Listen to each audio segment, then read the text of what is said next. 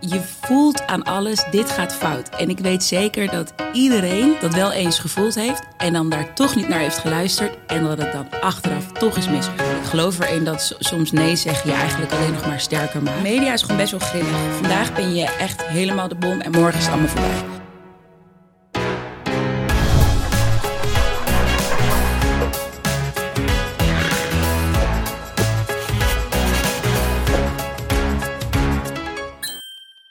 Natalisha, welkom bij, eh, bij Young Ones. Hartstikke leuk dat je op een uitnodiging bent ingegaan. Ja. En wij zitten hier in de enige echte studio van Kai Gorgels. Ja, Precies, dus dat is ja. al even weer een wapenfeit die ik eh, nu meteen bij het intro kan noemen. ja, En dat is niet zonder reden, want jij bent een van de eigenaren van A Million Faces. ja, Een eh, talent agency waarmee jullie het management doen voor onder andere dus Kai. ja, Voor Tim Hofman, voor jouw Ja. zusje Quinty. ja. En eh, ja, ik volg jullie al lange tijd. Super interessant wat jullie allemaal doen. Ja. Eh, dat vind ik om meerdere redenen, maar de voornaamste reden denk ik ook omdat jullie los van het managen van talenten, wat natuurlijk op meerdere plekken gebeurt, ook al actief zijn met het eh, starten van ondernemingen met nieuwe talenten. Daar Ja. zullen we later, eh, later nog op, op ingaan. En wat ik jou als eerste wilde vragen, als ik jou 15 jaar terug had gezegd dat je op 26-jarige leeftijd al eigenaar zou worden van een mooi bedrijf als dit, wat zou je dan hebben ge- gezegd? Even kijken, 15 jaar geleden was ik 15, hè? Ja. Ik net mijn eerste rol in een serie. Ehm, ja, dat had, nee, dat had ik niet geloofd. Ja. Nee, had ik gezegd, nee joh, ik ben gewoon lekker een beetje aan het spelen en ik zie wel wat er gebeurt. Ik moet ook eerlijk toegeven dat ook toen ik bij Million Faces kwam werken, er ook niet in mijn hoofd opkwam dat ik misschien ooit eigenaar zou kunnen worden van de Million Faces. Dat, dat, dat is ook een beetje gebeurd door met Lenneke daarover in gesprek te gaan en die zag iets in mij. Ehm, maar ik had dat zelf nooit bedacht met, nou, ik ga nu bij Million Faces werken en ooit ben ik eigenaar van de Million Faces. Ja. Ehm, dus zeker toen ik 15 was, zat ik nog op de middelbare school. Was Spanga's ook nog niet aan de hand. Deed ik wel wat met acteren.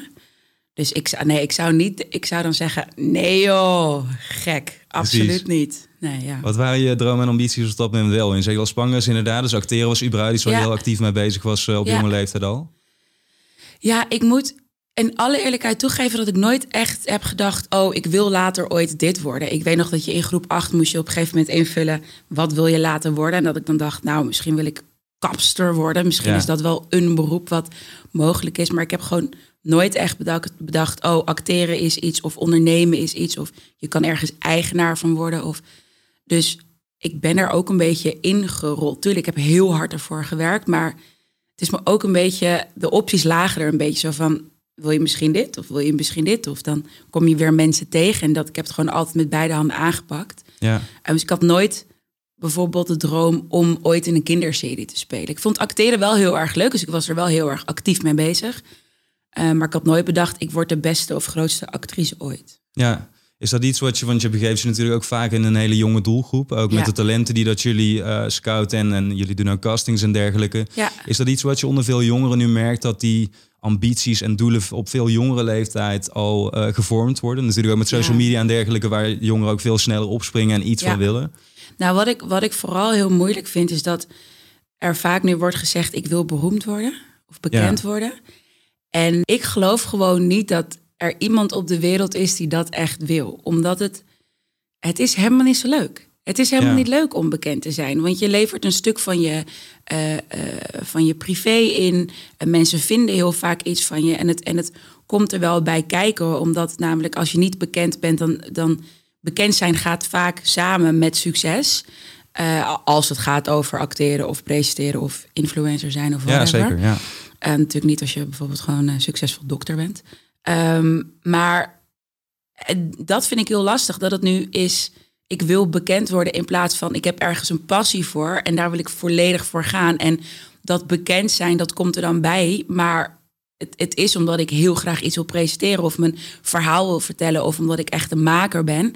Het gaat nu gewoon best wel vaak dus over het maar bekend zijn. eh, Maar heel veel volgers op Instagram hebben. Ja, ja. En, en ik vind het vaak best wel leeg eigenlijk als ik daar zo naar kijk. Dat jongeren echt denken, nou, ik word een influencer, want...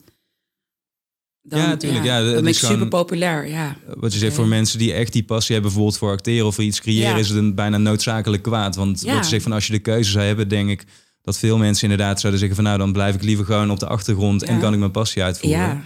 Ja, Ehm, want er, er, is al genoeg over gezegd. En ik denk dat mensen jouw uh, verhaal vanuit Spangas uh, ook op andere plekken kunnen horen. Maar zou je dat kort even kunnen omschrijven? Oh, toch wel? Nou, nee, niet, niet precies het, het hele verhaal. Nee, ik, ik wil, want ik weet dat het al vaak is besproken. Dus dat staat bijvoorbeeld dus in mijn boekje. Want daar wil ik het niet te okay, top, over hebben. Ja.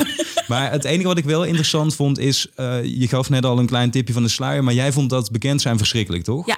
Ja. ja. En kan je eens uit, uh, inderdaad, wat vond je nou precies zo verschrikkelijk aan? Los van dat je privacy natuurlijk wegvalt. Maar op, op, welke manieren, uh, zeg maar, ik word niet hier op straat nu aangevallen van... oh, je bent toch van nee. jongens de podcast. Dus nee. hoe... Uh, One day. nou, wie weet. Maar ik, ik hoop het dus eigenlijk ook niet inderdaad. Ja. Ik vond het... Um, ik werd er gewoon heel erg benauwd van. Dus kijk, nu heb je... Door social media hebben mensen het gevoel dat, als ik bijvoorbeeld even kijk naar mijn zus Quinty, dan, dan wordt ze gezien als, een, als de beste vriendin. Snap je? Omdat het heel dichtbij is en YouTube is dichtbij, Instagram is dichtbij. Uh, ze praten tegen de kijkers. Dus het, het, is, wat, het is wat opener. Maar op televisie was het vroeger, oh my god, die is van tv. Dus wat er dan gebeurt, is dat je een soort als, niet als heilige, maar een beetje zo, we zien iemand van de televisie. Dat betekent dat de mensen niet op je afkomen. Dat betekent dat mensen op afstand foto's van je gingen maken. En dat je denkt, oh my god, het is avalanche, avalanche, avalanche. Dus je hoorde gewoon, ik hoorde de hele tijd mensen over me fluisteren of dan gillen op afstand. Ik heb zo vaak in mijn leven boodschappen laten vliegen door de Albert Heijn omdat er weer iemand aan het gillen was. Of je wordt echt gezien als een soort um, nou, ik wil niet zeggen een soort Hollywoodster, maar het is een soort, je wordt aanbeden of zo. En dat is echt anders nu met social media.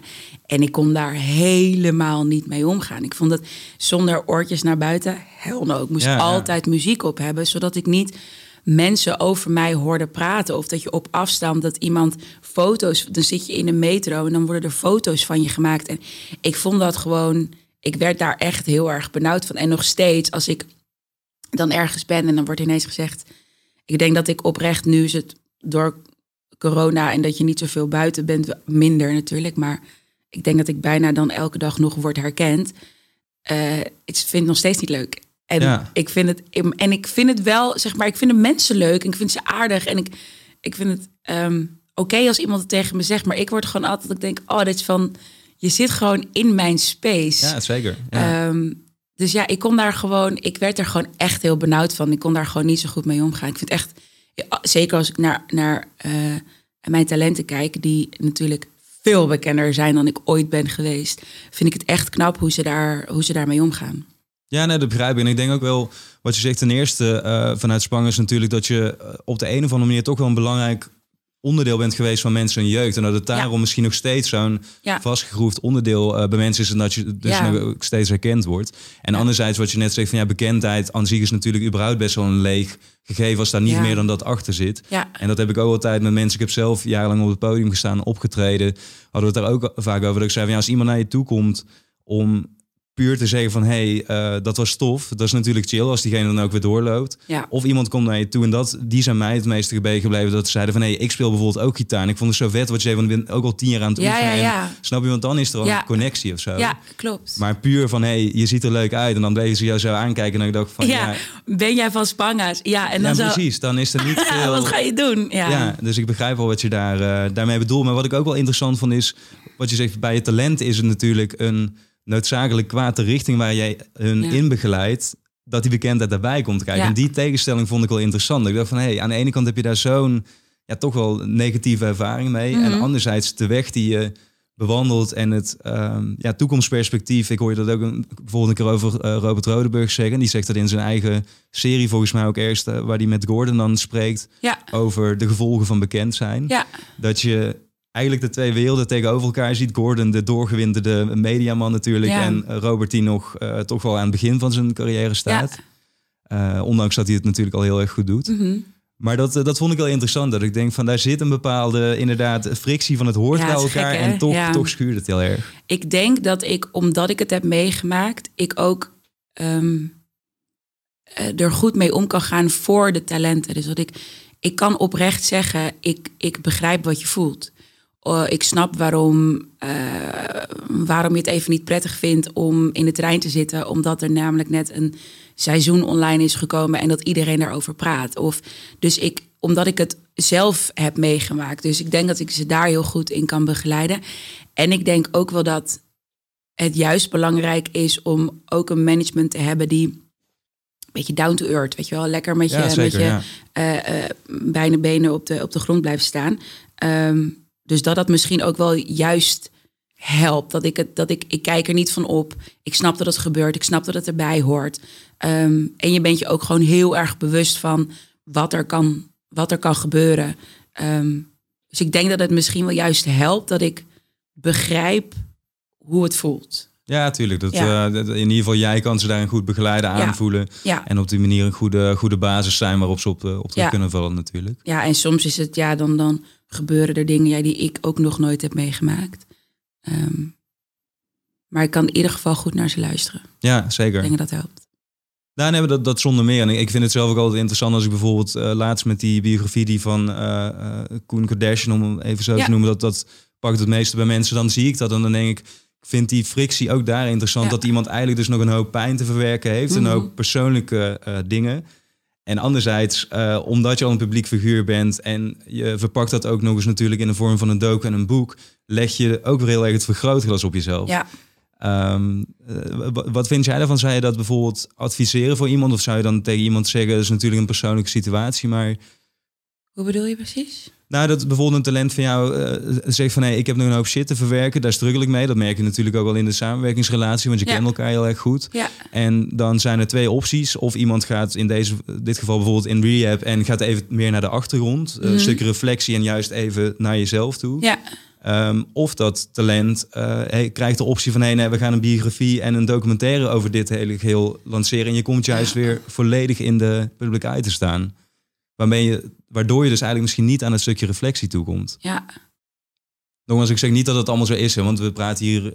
eh, ik ken de situatie in ieder geval niet persoonlijk. Volgens mij, Koen zit niet Nee, bij jullie maar- agency, toch? Nee, dus nee, dat nee, is een... eh, Nee, dus maar het, het, je vraag is eigenlijk wat zou je het publiekelijk, als er iets aan de hand is met het talent, zou je het publiekelijk laten verwerken of zou je ja, toch ja, dat helemaal manier, opengooien? ja. Ehm, ik denk dat dat heel erg ligt aan wat het talent zou willen. Ehm, dus als een talent naar me toe komt en zegt: Hey Thalys, ik heb dit nog te verwerken en ik wil dat graag publiekelijk verwerken en mensen daarmee inspireren. Want dat is natuurlijk in principe ook wat Koen doet. Er zullen genoeg, genoeg jongeren zijn die ook vroeger, eh, want volgens mij is hij vroeger ook misbruikt. Volgens mij staat Ja, dat ja, stukje in zijn boek. ik heb zijn boek nog niet gelezen. Ehm, maar ik kan me ook voorstellen dat een talent dan zegt: Ik wil daar graag mee naar buiten. En dat dat misschien ook wel de gedachte was van Koen om, om een soort taboe te doorbreken. Wat het natuurlijk ook nog steeds is. Dus ja, als Ja, een talent. 100%. Ja, dus als een talent daarmee naar mij zou komen met: Ik heb hier behoefte aan, ik zou dit graag willen doen. Dan zou ik diegene daar eigenlijk alleen maar gewoon heel goed in willen begeleiden. Ehm, en het is natuurlijk, ik maak, niet, ik maak geen keuzes voor talenten. Nee, dat doen zeker. ze zelf natuurlijk en ik, en ik adviseer ze daarin. Dus er zijn ook echt situaties geweest waarvan ik zei, nou, doe dit maar niet. En dan werd er wel gelukkig geluisterd. Ja, ja. Ehm, ehm, maar ze, ja, dat, dat is natuurlijk gewoon een keuze die ze zelf maken. Dus als dat ooit zou voorkomen, dan zou ik alleen maar ervoor zorgen dat het gewoon heel mooi en netjes in beeld gebracht eh, zou worden. ja. Ja, Ja, duidelijk verhaal. Je zegt net al van ik maak geen keuze voor talenten. Dat Nee. doen ze uiteindelijk zelf. ja, Ehm, in het begin zei je ook al van hey, de, de eh, manier waarop ik hier ben gekomen, op de positie waar ik nu zit, ehm, ben ik eigenlijk gekomen door gewoon heel veel dingen te gaan doen. Ja. Eh, ik heb alle kansen aangegrepen. Want dat is wat je zegt, misschien.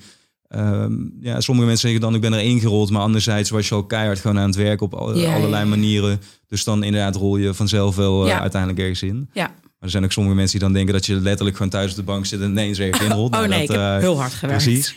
en wat ik heel erg interessant vond, is dat je op meerdere momenten zegt van hé, hey, al die beslissingen die ik wel dus zelf kan maken, die neem ik compleet vanuit mijn gevoel en vanuit mijn onderbuikgevoel. Ja. Is dat iets wat je vanuit het acteren misschien al hebt meegekregen om, om goed in Hmm. contact te blijven staan met je eigen gevoel? Of van waar kan jij dat zo goed? Ehm, nee, ik denk eigenlijk dat het niets met acteren te maken heeft. Ik denk wel dat het ook te maken heeft met samenwerken met eh Lenneke, want die zegt het ook altijd. Als er een opdracht binnenkomt, en dat was dan zeker bij casting het geval, en je krijgt, je leest het, je leest de opdracht en je krijgt een soort, soort buikpijn. Ik, zeg maar, als je in een achtbaan zit, heb je toch het moment dat je helemaal op het topje staat en dat je dan Ja, net naar ja. beneden gaat. Dat gevoel, als je dat hebt, moet je daar gewoon naar luisteren. Want als je dat niet doet, gaat het mis. Er is een reden dat je lichaam ergens op reageert. Ehm, en dat is gewoon volgens mij gewoon iets heel dierlijks wat daar gebeurt. Dat je gewoon, je voelt aan alles, dit gaat fout. En ik weet zeker dat iedereen dat wel eens gevoeld heeft en dan daar toch niet naar heeft geluisterd en dat het dan achteraf toch is misgegaan. En het moment dat ik eigenlijk dat stukje heb geaccepteerd en dat je ook dus durft nee te zeggen, want dat is dan eigenlijk wat je doet en dat is natuurlijk Ja, heel spannend, want je onderbuikgevoel zegt nee, dit moet je niet doen. En dan moet je dus ook tegen een klant durven te zeggen of tegen een talent of tegen een, tegen een klus met heel veel geld, eh, moet je zeggen nee. En ik, ik geloof erin dat so- soms nee zeggen je eigenlijk alleen nog maar sterker maakt. Maar je moet dus wel ook voelen dat dat kan en dat je daar sterk genoeg voor bent. En ik denk het moment dat je je daaraan gaat toegeven en dat je gaat luisteren naar je onderbuikgevoel, ehm, dat je dus ook gaat merken, oké, dit werkt. Dus dat je daar steeds meer op gaat vertrouwen, zeg maar. het is ja. echt, als er nu een klus binnenkomt waarvan ik denk nee, dan, dan gaan we het ook echt niet doen. Totdat we alles hebben doorzocht en iemand zegt nee, oké, de kansen dat dit misgaat is echt heel erg klein. En dan nog zeg ik waarschijnlijk nee, we gaan het niet doen. Omdat ik Ja, gewoon weet, ik weet dat het misgaat. Er is een reden dat je dat je buikpijn krijgt. En iedereen, dit heeft niets met spiritualiteit te maken. Dit heeft niets te maken met, met manifesteren of, of hoe de maan staat. Of het heeft, dan, het heeft gewoon alles te maken met dat. Het is gewoon dierlijk. Je ziet iets, het klopt niet, het is onveilig. Ja, zeker, ja. reageren. Dat is wat je moet doen. Nou, ik, ik vind het heel interessant dat jij het zegt, daarna, omdat ik bij heel veel jongeren merk, en dat is onder andere de reden waarom ik deze podcast ben begonnen, is dat iedereen wel weet, ehm, of in ieder geval ooit heeft geweten, wat je zegt, zeker als je kind bent, dan is je fantasie nog gewoon eindeloos. Mhm. Dan staat er inderdaad in je eh, dagboek of whatever je dan hebt, vriendenboek, eh, tegenwoordig iPhone, Ja. er staat er gewoon van, ik wil bijvoorbeeld astronaut worden, popster. Nu zal het dan Ja. inderdaad misschien YouTuber, influencer zijn, maar in ieder geval, daar staat iets wat op dat moment nog zo raar is, dat niemand het zal geloven, dus behalve jijzelf. Ja, ja. En dat is een stukje van het onderbuikgevoel. Op duur ga je natuurlijk op ontdekkingstocht als het goed is. En dan kom je erachter van, hé, wat vind ik lekker, wat niet, Mhm. Ja. eh, welke kant wil ik op. ja. Maar wat ik wel heel interessant vind, is naarmate mensen ouder worden... en dat heeft denk ik een heel stuk met school te maken, met eh, de mensen om je heen... maar wordt dat steeds meer dat gevoel wat je eigenlijk zelf hebt afgevlakt. ja. En ontstaat er dus op een duur een variant. En ook nog eens met alle prikkels van buitenaf. Je noemt Ja. al geld, ratio, Ja, noem het maar op. ja, Waardoor heel veel mensen dus niet meer eh, gewoon simpelweg inderdaad met een gevoel eh, in ja, contact gewoon je staan. basis. Precies. Ja. En dan werkt het eh, verhaal, ja, beslissen op mijn gevoel. Zo, ja, welk gevoel, weet je wel. Wat is dat dan? Precies. maar het heeft denk ik ook te maken met zelfkennis. Dus Ja. als je basis goed is en als je gelooft dat wat jij doet, dat je daar goed in bent, dat je daar sterk in bent, dan kan je denk ik ook veel makkelijker afgaan op je onderbuikgevoel. Omdat je weet dat je er goed in bent. Snap je dus? Ik bedoel, waarschijnlijk tien jaar geleden zou ik misschien helemaal niet naar mijn onderbuikgevoel luisteren. Maar omdat ik dus mensen in mijn omgeving ook heb, zoals bijvoorbeeld Lenneke, die echt duidelijk zei: nee, als je hier. Mijn gevoel, zij zei op een gegeven moment: nee, mijn gevoel zegt nee. En als ik dat, als ik dat voel, dan gaat het meestal mis. En ik dacht toen de eerste keer echt: waar heb je het over? Dit is gewoon een klus die we gaan doen. En ik echt twee weken later zei ik: oh my god, deze klus gaat zo mis. Ja. Je hebt zo gelijk. En toen dacht ik: ja, dit is gewoon waar je naar moet luisteren, omdat je gewoon vaak je weet het al, maar dan moet je wel comfortabel genoeg zijn met jezelf en weten dat je het kan, eh, om daar ook wel naar te luisteren. Dus ik denk ook wel dat je inderdaad gewoon op een gegeven moment in je, in je twintige jaar of in je tiende jaar, dan word je gevormd Ja, door. Inderdaad maatschappij, door doelen die je moet halen, door de, door de druk, door whatever. Ja, zelfs Ehm, vanaf dat je geboren wordt natuurlijk. Je wordt helemaal blanco geboren en dan begint alles Precies, en dan eh, ja. begint alles. Nou, dan word je eerst even afgestompt, denk ik eigenlijk tot je twintigste. Want dan, dan wordt er je verteld wat wel goed is en wat niet goed is en wat je wel en niet moet doen. En op een gegeven moment denk ik dat je, hoop ik, dat je iets te pakken hebt. ehm, waar je dan zo sterk in wordt dat je durft te geloven en, te, en, te, en ja, je onderbuikgevoel te volgen. Ja, Ik denk dat, dat, dat het zo een beetje loopt. Het is natuurlijk heel logisch als je 16 bent dat je niet kan luisteren naar je onderbuikgevoel. nee, ja, natuurlijk. Dat, eh, ja, dat, en dat ontwikkelt zich inderdaad steeds meer. Daarom. Hoe eh, zagen die vormende jaren van jou eruit? Waar ben je bijvoorbeeld opgegroeid en wat voor samenstelling, zeg maar? Ik ben opgegroeid in de Bijlmer, Amsterdam Alright. Zuidoost. ehm, trotser dan ooit op ook. Ik zei het vandaag nog tegen mijn moeder, door alle redden die er natuurlijk aan de hand zijn. Ja. En ik heb zoveel video's gekregen gisteren over mensen en ouders die op bij de Bauma Arena stonden om te zeggen, jongens, dit gaan we niet doen. Dat vond ik echt vet. Ik vond het ook heel mooi. Ik zag het op social media ook overal Zo mooi, komen. zo Ja, trots zeker. op. Zo echt strijders. Dus daar ben ik echt, eh, nou ja, uit de Bijlmer kom ik, Amsterdam Zuidoost. Ik ben opgegroeid met mijn moeder, mijn broertje en mijn zusje. Een mega echte familie, heel warm. Ehm, mega goede band ook met mijn zusje en mijn broertje. Ja, ja. Ehm, worden ook steeds meer vrienden. Dus je gaat het ook steeds meer, dat is heel leuk, over dingen hebben waar je normaal gesproken met je vrienden over hebt. Dus dat vind ik ook heel erg gezellig. Ik heb de meest fantastische moeder van de wereld. Ehm, ik heb daar gewoond tot mijn achttiende. Toen ben ik uit huis gegaan. Toen ben ik een jaartje teruggegaan. Weer op mezelf gaan wonen. ja. Ehm, nou, dat eigenlijk. Klein flatje zijn we opgegroeid. Hadden niet veel. Ehm, maar ik heb me nooit arm gevoeld. Heel veel liefde hadden we. Ehm, nou, dat is heel Ja. basic ben ik opgegroeid. Maar met echt ongelooflijk veel liefde. En iedereen mocht bij ons thuiskomen. Precies, dus er was altijd gez- gezelligheid, Ja. liefde. En eh, Ja, noem je je vader bewust niet? Was die ooit in beeld? Of oh, die was zeker ooit in eh, beeld. ja. Alleen daar ben ik... Ik heb niet het gevoel dat ik echt ben, met hem ben opgegroeid, zeg maar. Maar die was absoluut in beeld. Ehm, maar ik ben, ik ben wel echt opgevoed door mijn moeder. Ja, ja. Ja. Dus daar zit, eh, zit de kern. Ja. Ik heb het er met Safi inderdaad een aantal afleveringen terug over gehad. Ken je misschien wel, filmmaker en, en producent.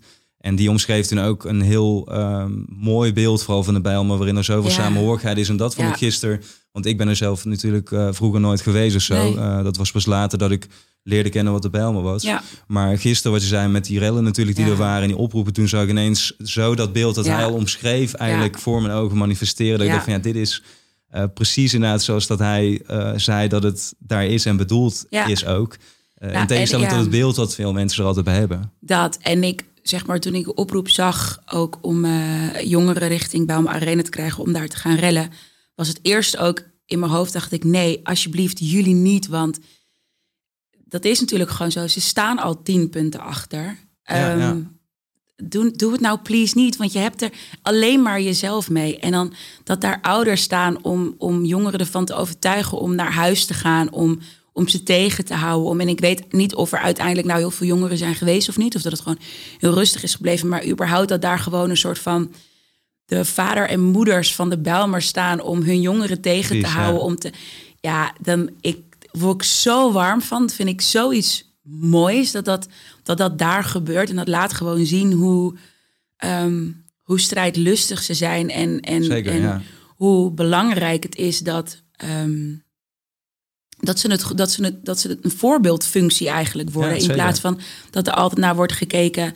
eh, oh, eh, er is een demonstratie Black Lives Matter en er wordt, wat was het, een, een, een, een politieman bekogeld. Wat, ik weet niet of dat ooit gebeurd is, maar waardoor slechte ehm, eh, berichten de, uit ja, voortkomen. Slechte berichtgeving staat altijd bovenaan Jammer vind ja. ik dat, en dat meen ik oprecht, dat dan de mainstream media dit niet deelt. Ja, vind zeker. ik echt heel jammer. Ehm, maar goed, de, de, de tijd zal, eh, ik bedoel, ik, denk echt dat het snel zal veranderen. Maar ik denk, dit, soort- dit soort posts, ik zag het ook in Maastricht, waren ook heel veel eh, mensen op straat om jongens juist tegen te houden om dit te gaan doen. Dan denk ik, waarom, waarom, waarom zien we dat nou niet dat het in Amsterdam Zuidoost ook gebeurt? ja. Dat vind ik heel jammer. Maar goed, ehm, misschien moet ik dat zelf nog even delen op mijn social media. Wellicht Nou ja, goed, wat je zegt, er is natuurlijk al veel eh, verandering gaande. Maar ik, ik Ja. vind het juist wat je net ook zegt van de, de voorbeeldfunctie en de volwassenheid die continu uitgaat vanuit die houding. Dat je, Ja. je ziet bijna een verschuiving ontstaan waarin, dat weet ik zeker, dat het straks nog veel meer gaat komen. Dat eh, de, de andere kant, om het zo maar te zeggen, volledig Ja. in paniek gaat raken. Omdat dat iets is waar ze niet, Ja, daar kan je niet op reageren. Nee. Weet je wel? Dus dat er anderen inderdaad weer eh, gaan staan rellen of iets dergelijks, dan kan je de koppen weer vullen. Maar als dat niet gebeurt, dan is je kruid om Klopt. mee te schieten weg. En dat is denk ik een heel... eh, ten eerste inderdaad, je zegt, mooi dat het gebeurt. Ook goed dat het gebeurt. Dat, dat mensen zich dat realiseren van... nee, nee, dit moeten we juist niet doen en Mhm. voorkomen. Want anders eh, gaat het weer tegen ons worden gebruikt. ja, En op een gegeven moment neem je mensen gewoon het, eh, ja, het schutmateriaal weg. En dan, wat blijft er dan nog over? De, Ja. de waarheid, denk ik, en de realiteit. precies. En dat, ja, Ja. komt uiteindelijk altijd boven. Dus ik, ik ben het helemaal met je eens. Ja. Ja. En tof te horen, want wat, heb je daar uiteindelijk, eh, even los van dit onderdeel, maar uitgehaald uit de periode in de Bijlmer? Want dat heeft, we zeiden net al, zijn vormende jaren. Dus wat heeft, heb jij eruit meegenomen wat je nu nog steeds gewoon in je leven eh, meeneemt? Nou, ik ben heel erg blij dat ik mijn middelbare schooltijd heb doorgebracht op OSB. openbare scholengemeenschap Bijlmer. Ja. Ehm, het is namelijk een school waar echt alles rondloopt. Ehm, zwart, wit, seksualiteit maakt niet uit. Uh, rijk, arm, dik, dun. Echt gewoon alles liep daar rond. Um, waardoor ik, ik zat echt in de, in, in de klas met mensen uit Diemen en Gein, maar ook Wassenaar. En het was ook een Ajax-school, dus en heel veel theater, sport. Dus het was echt een, een hele kleurrijke uh, school. Dus ik denk dat ik daarin heel erg ben gevormd, omdat ik namelijk nooit heb nagedacht over, oh, dit is raar of oh, dit kan niet. Ja. Um, dus ik denk dat, dat de middelbare school gewoon überhaupt je heel erg vormt. Het, hoe docenten en, en klasgenoten omgaan met iets zoals homoseksualiteit of uh, mensen van kleur. Dat vormt je natuurlijk in hoe je later in de maatschappij staat. Dus als je in een klas hebt gezeten waar er niemand is van kleur, dan heb je daar sowieso andere gedachten bij dan wij bijvoorbeeld in onze klas hadden. Ja, zeker. Dus dat heeft me heel ik kan het ook beamen, want dat, daar heb ik dus toen ook over gehad dat ik tegen Sofie zei, ik ben bijvoorbeeld in Limburg in een dorpje opgegroeid. Mhm. Uh, ik durf wel te zeggen dat er misschien, ik weet op het duur kwam er een jongetje wat vanuit de Dominicaanse Republiek uh, naar Nederland was geëmigreerd, die kwam bij ons in de klas. En dat Ja. was het eerst, de eerste zwarte persoon die bij ons op school zat. Ja, En ik zei ook tegen hem, ik zei van totdat ik naar de grote stad verhuisde, rond mijn achttiende, was mijn hele leefwereld compleet anders, zeg Ja. maar. En vanaf dat ik naar de grote stad verhuisde, was het ineens, want toen was dat, ja, ik kom echt uit een dorp, laat ik het zo zeggen. Uh, is dat je leefwereld? En Mhm. Ja. op het moment dat je daar komt, denk je ineens van, oh wauw, dus dit is er ook nog allemaal. ja, ja, ja. ja. En dat was voor mij een hele, hele mooie ontdekkingstocht. Ja. Maar dit is wat je zegt van ja, zolang je dat niet eh, ziet inderdaad en jij dus wel, is dat een eh, heel groot verschil. Precies, dus, dus nou, dat, daar ben ik gewoon heel erg dankbaar voor dat ik daar op school heb gezeten. Ehm, maar ook, ik ben gewoon opgegroeid met heel weinig. Dus dat betekent dat alles wat er om me heen gebeurt, waardeer ik gewoon extra. Ehm, ik bedoel, het feit dat we nu, eh, ehm, nou, we kunnen nu niet reizen, maar we hebben bijvoorbeeld mijn moeder een week New York cadeau gedaan. Ja, Ja, dat was echt op mijn vijftiende was het echt ondenkbaar dat ik dat ooit zou kunnen betalen, zeg maar. ja. Ehm, en dat we nu gewoon het zo goed doen dat we kunnen zeggen, nou, laten we dit mama cadeau doen. Eh, en het is echt niet dat ik, dat ik een soort van met mijn flappen kan, eh, kan smijten, maar gewoon dat je, dat je de keuze kan maken om dat te doen. Dat je een weekendje met elkaar weg kan, dat je vrijheid toch? gewoon Dat is, vrijheid ja. inderdaad hebt. Ehm, maar dat betekent ook dat alles wat er om me heen gebeurt, dat ik dat ook extra waardeer, zeg maar. Ehm, dus ik ben gewoon opgegroeid met heel weinig, waardoor ik me bijvoorbeeld helemaal niet bezig hou met of ik merkkleding aan heb of whatever, want dat boeit me echt precies helemaal niets, nog steeds niet. Ehm, maar dat ik juist heel erg ben opgegroeid met oké, heel veel liefde hebben voor elkaar en dan hebben we nu ook nog, hebben we het beter dan ooit, zeg maar, dat je dat ook nog eens een keer aan elkaar ja. kan geven. Dus onze kerst bijvoorbeeld is ook extravagant eh, met eh, ehm, cadeautjes aan elkaar geven, omdat we kunnen eindelijk deze cadeautjes aan elkaar geven. Precies, ja. Ehm, dus wat we echt, en dat denk ik dat geldt voor mijn broertje, dat geldt voor mijn zusje, wat we echt hebben, ehm, wat we echt meenemen, is dus het echt het kleine eh, kunnen waarderen, omdat je hebt helemaal niet zoveel nodig. Zeker, nee, 100% eens.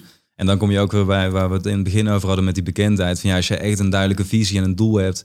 En dat komt erbij uiteindelijk. Nou, dan, dan weet je daar wel een vorm aan te geven. Ja. Maar dan blijft het tof. Want je hebt die visie en dat doel. En dat is Ja. wat, je, wat je gaande houdt, die ambitie. Ja, En wat je zegt bij jou is dat die goede basis vol liefde eh, voor elkaar en voor je intimie. ja. En als je daar dan geld bij gooit, nou, dan krijg je iets nog mooiers. Ja, maar als je iets wat al eh, ja, verrot is om en leeg, of als je daar veel geld bij gooit, dan krijg je vaak alleen maar Boeit trouble. echt niet. Nee, nee, dus eh, ik kan, ik, wij gaan, nou ook nu niet meer, maar ik ga vaak naar Cannes voor, ehm, voor een beurs. En eh, ja, dan kan ik daar op een jacht zitten met eh, allemaal mensen die ik niet zo aardig vind. Ja. Eh, nou, het boeit me dan echt helemaal niets. Dat is puur netwerk? Of, of Ja, ja, dat? ja, ja. ja, dat is puur netwerk. Maar dan, nou ja, dat zijn dan niet. Ik ga niet meer die mensen. Sommige mensen wel hoor. Zijn echt, ik heb heel veel leuke klanten waar ik mee werk. Maar het is gewoon niet altijd iemand waarvan je denkt, nou, ik vind het echt super gezellig om met jou een biertje te drinken. Dan denk ik, ja, dan kan ik hier zitten, maar het boeit me echt niet. Zit ik liever op een soort rubber bootje met mijn familie. Ja, zeker. Snap ja. je? Dan, dan, dat, daar, dat, daar voel ik dan veel meer voor. Absoluut dat ik dan ook naar de familie WhatsApp stuur. Oh my god, check nou waar ik nu weer zit. Ehm, Ja. Maar ik heb dan liever dat ik daar met mijn familie zit en dat ik daar ehm, met mensen zit die ik misschien helemaal niet mag. Ja, natuurlijk een groot gelijk. Dat. En dat is dan weer ook het verschil tussen Instagram beeld.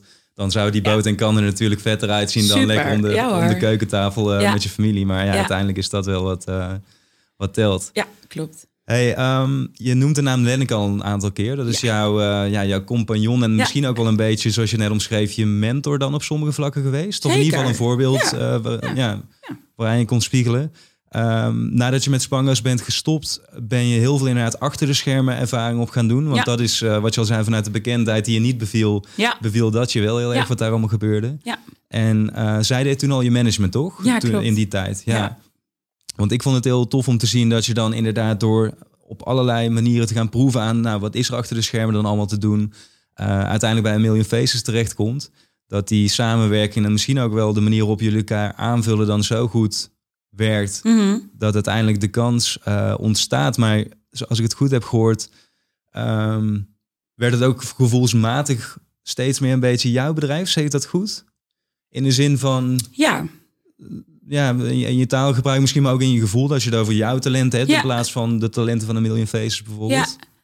Nou ja, ik denk dat ja, dat is wel gegroeid. Dit is ook de reden dat ik, dat ik op een gegeven moment zei: Oké, ik vind het leuk om na te denken over ehm, aandelen en directeur worden van een Faces. En is omdat ik steeds meer zei: ons kantoor en onze talenten en ons bedrijf. En toen dacht ik: Ja, maar er is helemaal nog niets van, van mij eigenlijk. Ja. Ehm, dus toen zijn je we. dat ook dan, dat stukje, om je volledig te kunnen committen? Of was dat niet het geval? Ja, je, je commit je Nou, ik volledig wist op dat moment, dus ik heb altijd gewoon gedacht, ik hop een beetje van producties en eh, ik doe allemaal verschillende functies en ik vind het leuk om, om verschillende dingen te doen. En ik was gewoon een beetje een vlierenfluiter, dus ik had gewoon nooit bedacht dat ik echt ergens heel lang zou blijven. Ik werk er nu acht en een half jaar. Ja. My god, ik heb nog nooit ergens zo lang gewerkt. En dat is ook logisch nu, want het is nu ook een stuk voor mij.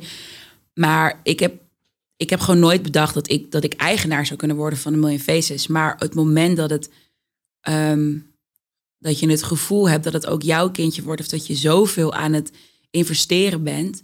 ja, dan is het leuk om te kunnen zeggen ons bedrijf... en dat het dan ook daadwerkelijk van jou is. Ja. En het, er verandert wel echt iets in gevoel. Ook ehm, je verantwoordelijkheid. En dat je ineens denkt, ah ja, we moeten elke maand mensen betalen. En ehm, oh, er is ineens een issue aan de hand. Oh, dit is ook mijn issue. Ineens, vroeger kon ik zeggen, zei Lenneke, oh, er is dit aan de hand. En dan zei ik, eh, succes. Ja, en nu ja. is het, er is dit aan, aan, de hand. En dan denk ik, oké, dat moet ik oplossen. Dus dat is, het verandert ook wel echt in je verantwoordelijkheidsgevoel. Ehm, Hoe veranderde het in je? Want de meeste mensen die ik spreek, die zijn het bedrijf from start eh, begonnen. Ja. En die omschrijven dan vaak een periode waarin ze een aantal maanden of een jaar of twee jaar lang keihard hebben moeten bikkelen om überhaupt iets van de grond te krijgen. ja, Ehm, als je in een bestaand bedrijf instapt, wat je al zegt, dan, dan neem je aandelen over. Daar moet je vaak dan een zak geld eh, voor neerleggen. ja. Eh, zo werkt dat. Maar als je dan eenmaal, ehm, wat je zegt, dan kom je die dag nadat dat is gebeurd, loop je hier binnen. Mhm. Betekent dat ook meteen meer werk, ander werk, eh, andere gesprekken? Hoe- Nee, we hebben het ook wel ehm, rustig aangepakt. Dus ook wel met een soort plan aangepakt. Lenneke sowieso. Die wist altijd al dat ik dit dus ging doen. Maar ik had nog helemaal zelf nog helemaal niet door. Ehm, ja, je werk... Je wordt gewoon ook iets serieuzer genomen. Dus dat is het ook wel echt. Dat je ineens... Ik, ik, ik kon al overal aan tafel zitten, maar ineens... Ja, ik weet niet, er verandert dan toch iets. En komen toch zenderdirecteuren. Je krijgt ineens bloemetjes van zenderdirecteuren. Zo van gefeliciteerd. Ja, ja. Dat je denkt, ah ja, oké, het is wel echt heel vet wat hier gaat gebeuren. Ik had het oprecht niet door. hè. Ik heb tegen mijn moeder, zat ik op de bank en zei ik, oh ja mam, ik word directeur en mede-eigenaar. En mijn moeder begon bijna te huilen en toen dacht ik, oh wacht, oh ja, dit is een ding. Dus ik had het, Ja, ja. ik, ik, ik ben er echt ingegroeid. Ik had helemaal niet door dat dit echt een ding was.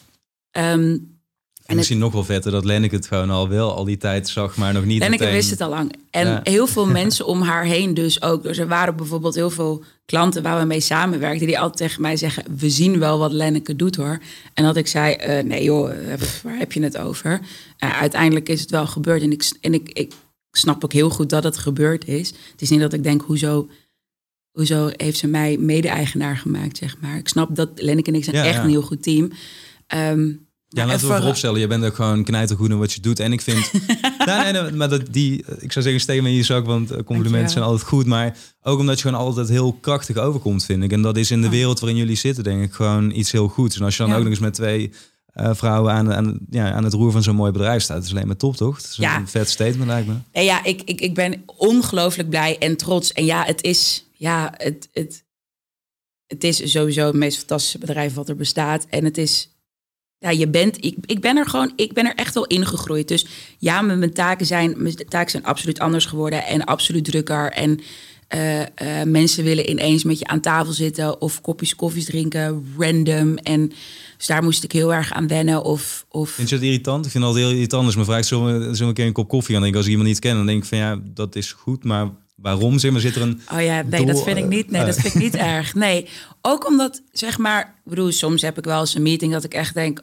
oh my god, na vijf minuten, ik, ik wil hier weg. Of dit gaat helemaal nergens over. Dit is, kost een uur van mijn tijd. Wat ben ik aan het doen? Ja. En soms heb je, ik had deze week toevallig een meeting met iemand waar ik eigenlijk qua bedrijven werken we heel erg veel uh, met elkaar, maar ehm, we hadden elkaar nog nooit gezien of gesproken. Um, nou, dat was zo'n leuk gesprek en daar krijg je ook wel echt energie van. Dus soms is het ook wel gewoon goed om een andere ondernemer um, dan even te spreken en, en, en issues te bespreken. En, dat zeker, ja. Ja, dat is gewoon heel fijn. Kijk, ik ga niet met Um, dat klinkt misschien een beetje arrogant, maar ik ga niet met iedereen die wil presenteren, ga ik niet een kopje koffie drinken. Dan ben ik echt wel echt de hele dag lang bezig. Ja.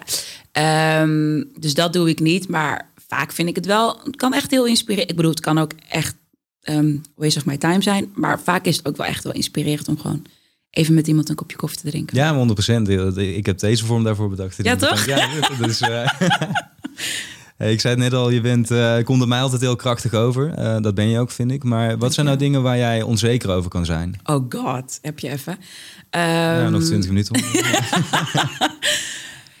um, ik kan soms heel erg onzeker zijn over... Um, en dat heeft denk ik iedereen, komen ze er morgen achter dat ik eigenlijk helemaal niets kan.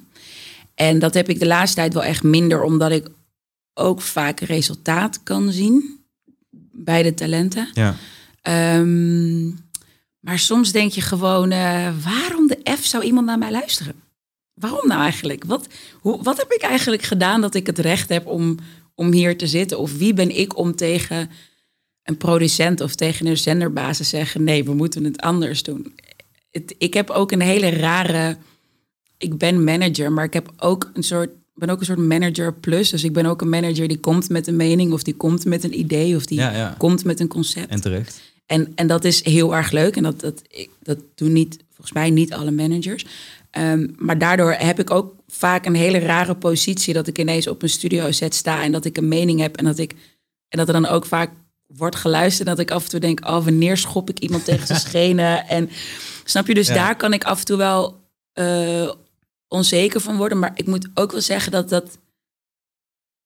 Maar je staat wel achter die visie. Dus het is meer wat je zegt dat je anderen niet wil. Uh... Ja, dus dat ik. Dat ik um, nou, daar kan, dus daar kan ik soms wel onzeker over zijn. Maar dat is wel.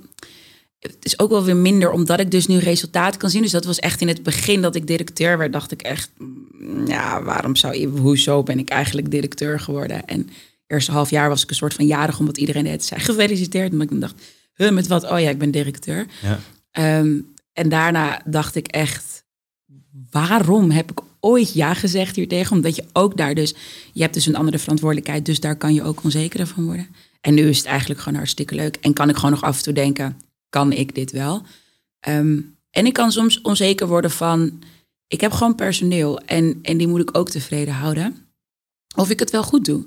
Weet je wel, of, of mijn personeel wel blij is. En ik, wat ik zeg, ik doe alles op gevoel. Ehm, dus als je soms, als iemand niet blij is, dan doet dat ook iets met je. Het is toch heel, het is een klein bedrijf, dus het is heel persoonlijk. Ja. Ehm, dus daar, ik kan er niet per se onzeker van worden, maar dat ik wel denk, oh, ik hoop wel echt dat dit, dat dit goed gaat en dat mensen zich comfortabel bij mij voelen en, en veilig bij mij voelen om alles tegen me te zeggen. En dat we soms in discussie kunnen gaan of dat ze zich wel gehoord voelen. En dus daar kan ik soms, niet onzeker, maar wel, dat, dat kan, daar hou ik me wel mee bezig, zeg maar. Ehm, Ja, daar ben je bewust van. Dat je niet wil dat je naar mensen steeds weer been schopt. Of net Ja. te dominant bent of zo. Ja, eh, dat. Ja.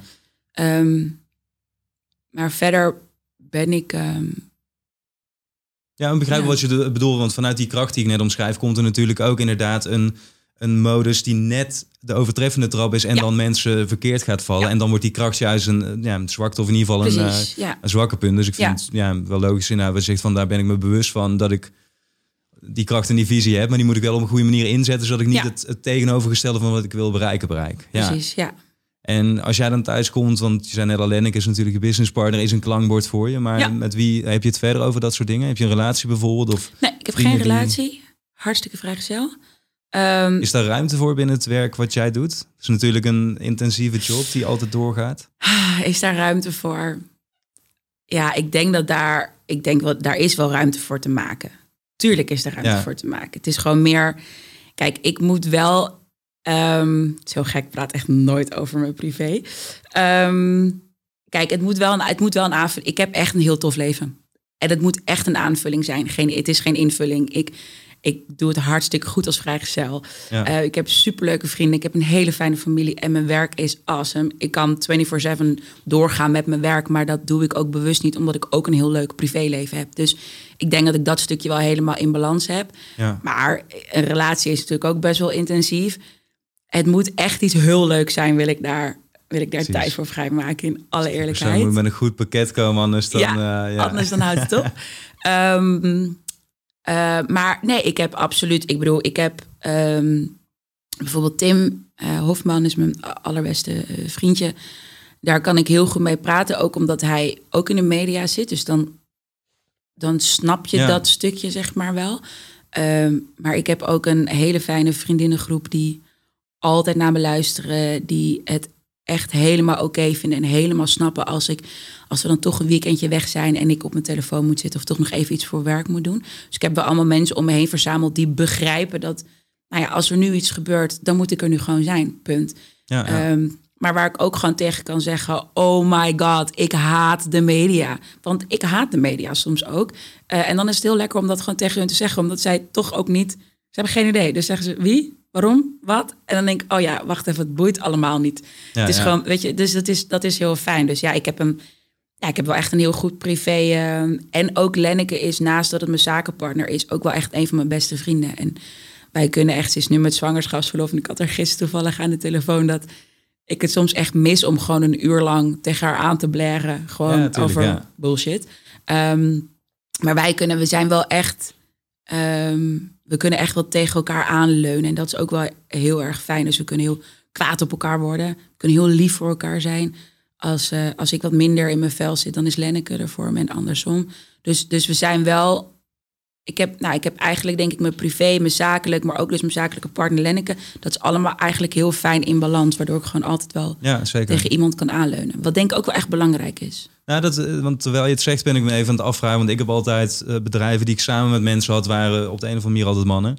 Ja. Misschien niet op de een of andere manier, maar in ieder geval, ik vraag me nu even af van hoe jij dit omschrijft inderdaad. Van is dat daar ook zo bij? Want niet om het nu op gender te gaan gooien of zo, maar het is wel iets, inderdaad, zoals jij het omschrijft. Van ik was vaak één modus in de onderneming. En als ik thuis kwam bij mijn partner, dan was het eh, de andere, de zachtere modus of zo, snap je? Oh ja, ja. En die, die daartussenin zat, dat had ik, ja, denk ik, binnen, binnen een onderneming niet zo vaak. Dus dat is, als je dat wel kan, dan kan je dus altijd Ja. inderdaad 100% puur jezelf zijn. ja, En dan vraagt het werk natuurlijk ook iets minder van je. Of minder, maar in ieder geval kan je er beter in, in meegaan, omdat Ja. je puur jezelf kan zijn. ja.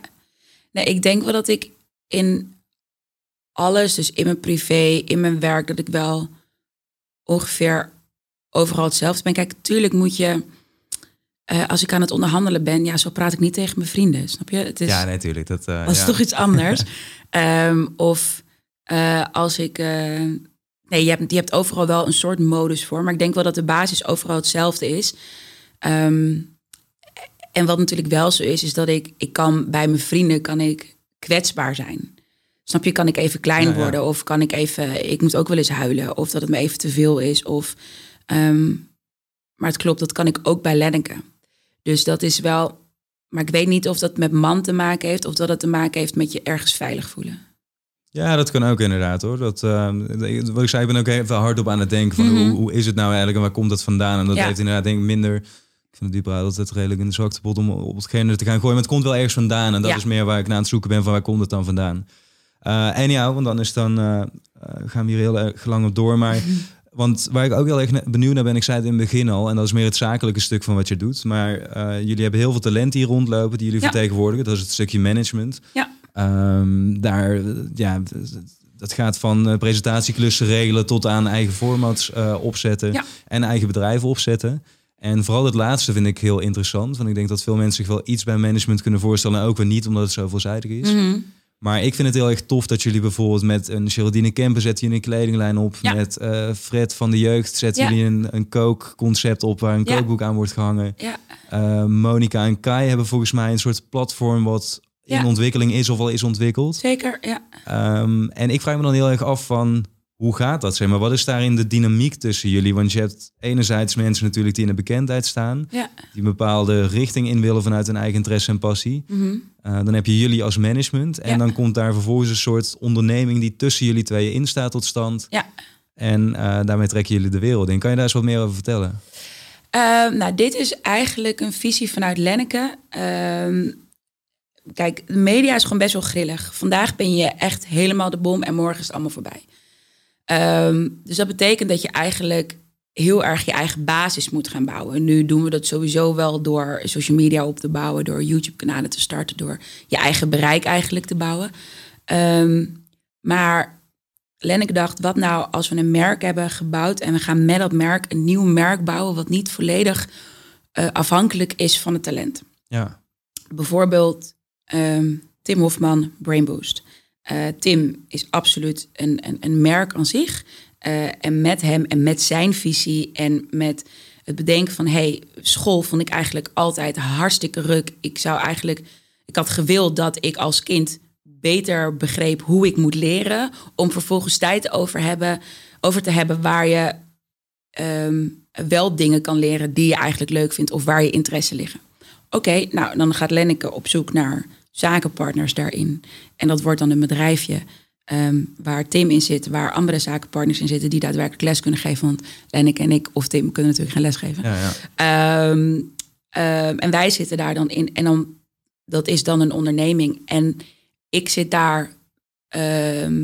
Lenneke is vooral daar in de drijfveer, want die is daar veel zakelijker in.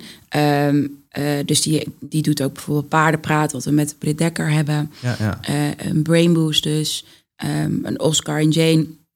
En ik kijk dan vaak mee op um, marketing of de inhoud. Of er is er idee, of Lenneke heeft een idee. En dan zegt ze, hey, Thalys, wil je hier even op meekijken? Of, dus ik kijk daar meestal inhoudelijk op mee. En Lenneke is echt het zakelijke gedeelte.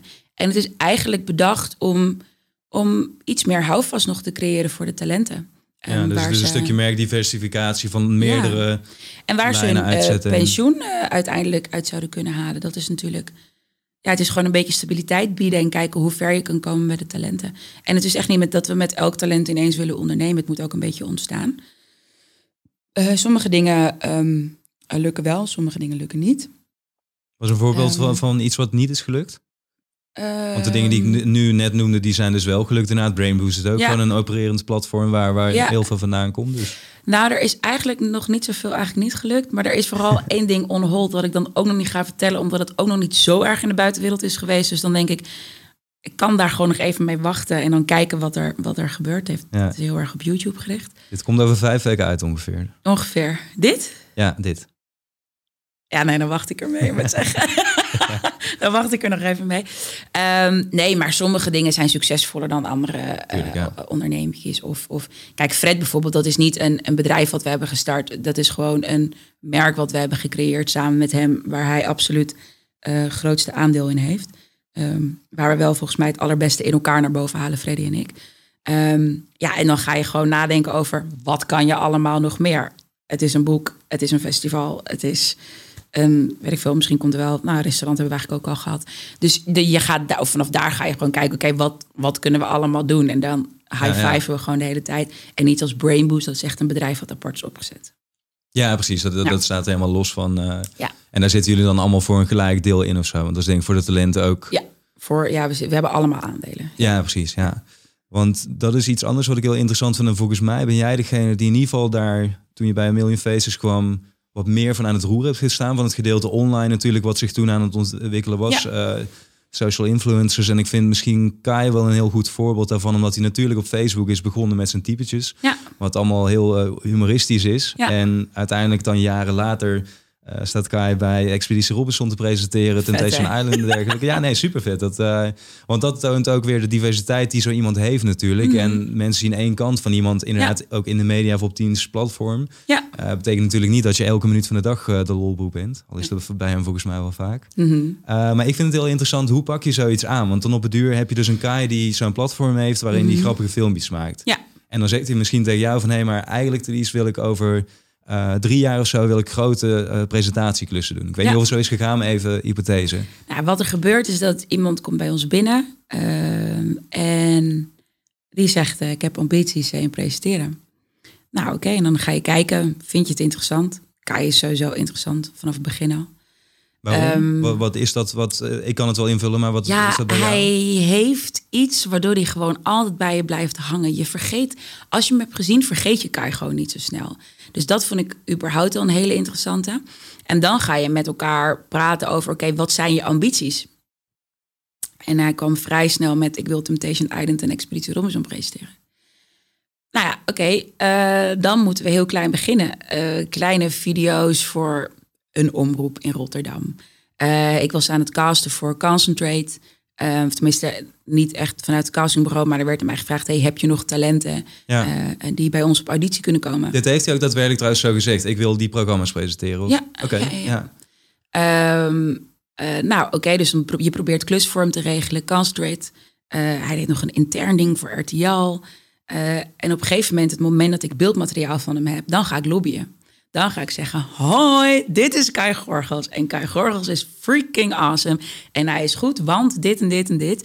Ehm, let's go, laten we dit gaan doen. Heel lang lobbyen om hem in de Expeditie Robinson te krijgen als kandidaat. Zodat ja. die wat mainstream kon worden. ehm, zodat mijn tante Kai ook ineens zou kennen. Eh, RTL zag gelukkig vrij snel een talent in hem. En dan ga je samen bouwen.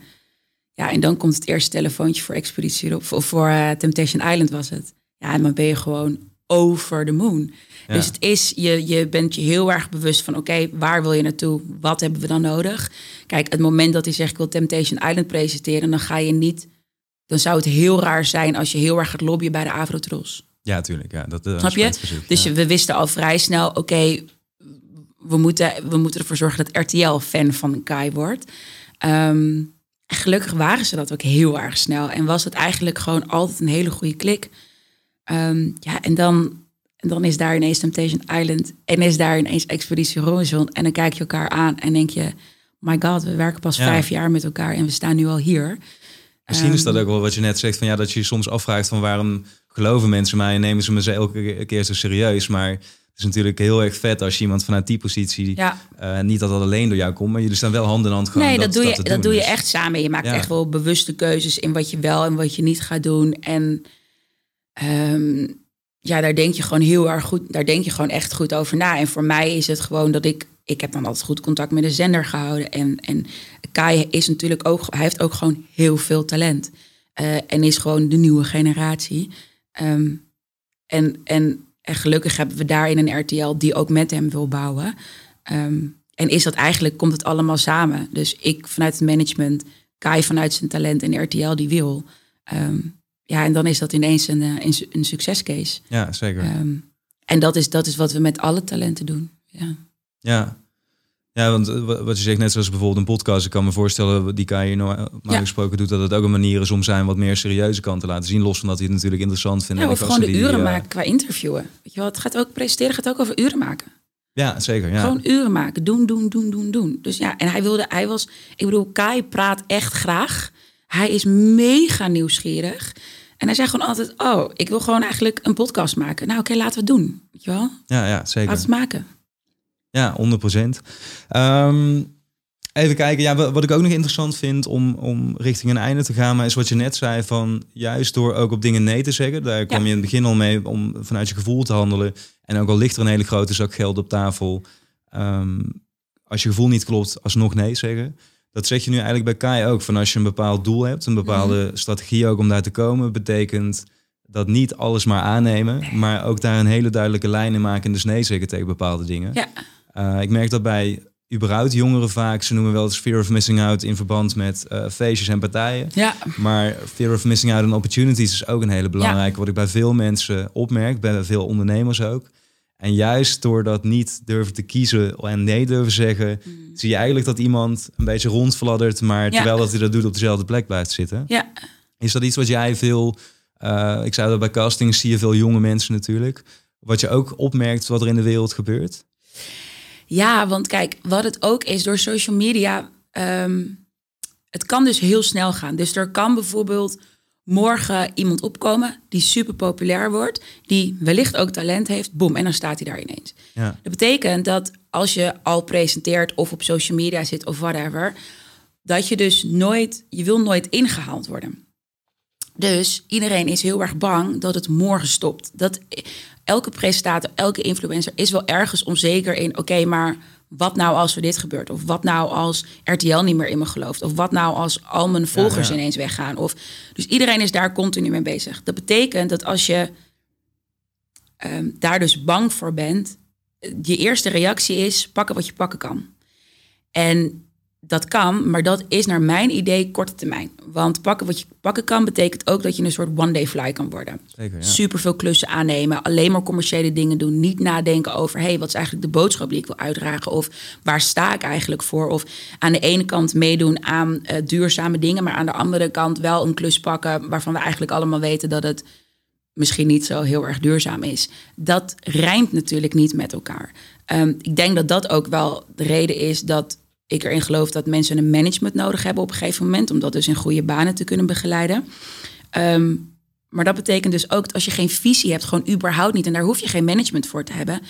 eh, maar dat als je dus geen visie hebt en je, en je pakt maar alles en je hebt eigenlijk geen idee waar je voor staat, hoe moet ik als volger jou geloven dat het goed is wat je doet? Of dat je überhaupt ergens voor staat, of dat je een unieke persoon bent? Ja, ja. dat, dat, nou ja, dat rijmt dus niet met elkaar. Dus ik, ja, dat fear of missing out en die opportunities. Ja, als je dus, als je niet echt een visie hebt en je durft geen nee te zeggen of je, of je denkt niet na over de klussen die je aanpakt, dan, dan, de- dan denk ik dat, het, dat je carrière van vrij korte duur is eigenlijk. Ja, zeker. En dat zie je natuurlijk met veel mensen die dat aan nu een of andere online show meedoen om daarmee Ja. snel even wat bereik op te bouwen. Ja.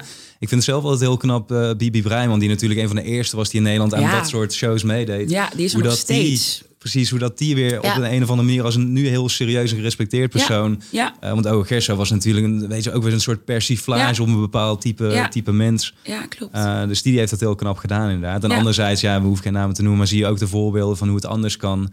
En ook op latere eh leeftijd inderdaad voor mensen die het wel altijd misschien met een bepaalde eh, visie hebben gedaan. We hebben het net over Kai. Ja, er heeft natuurlijk iemand anders plaats moeten maken voordat hij eh, Expeditie kon presenteren. ja, Dus dat is ook weer de smaak die je daarin hebt. ja, Ja, interessant wereldje waarin je zit, Alicia.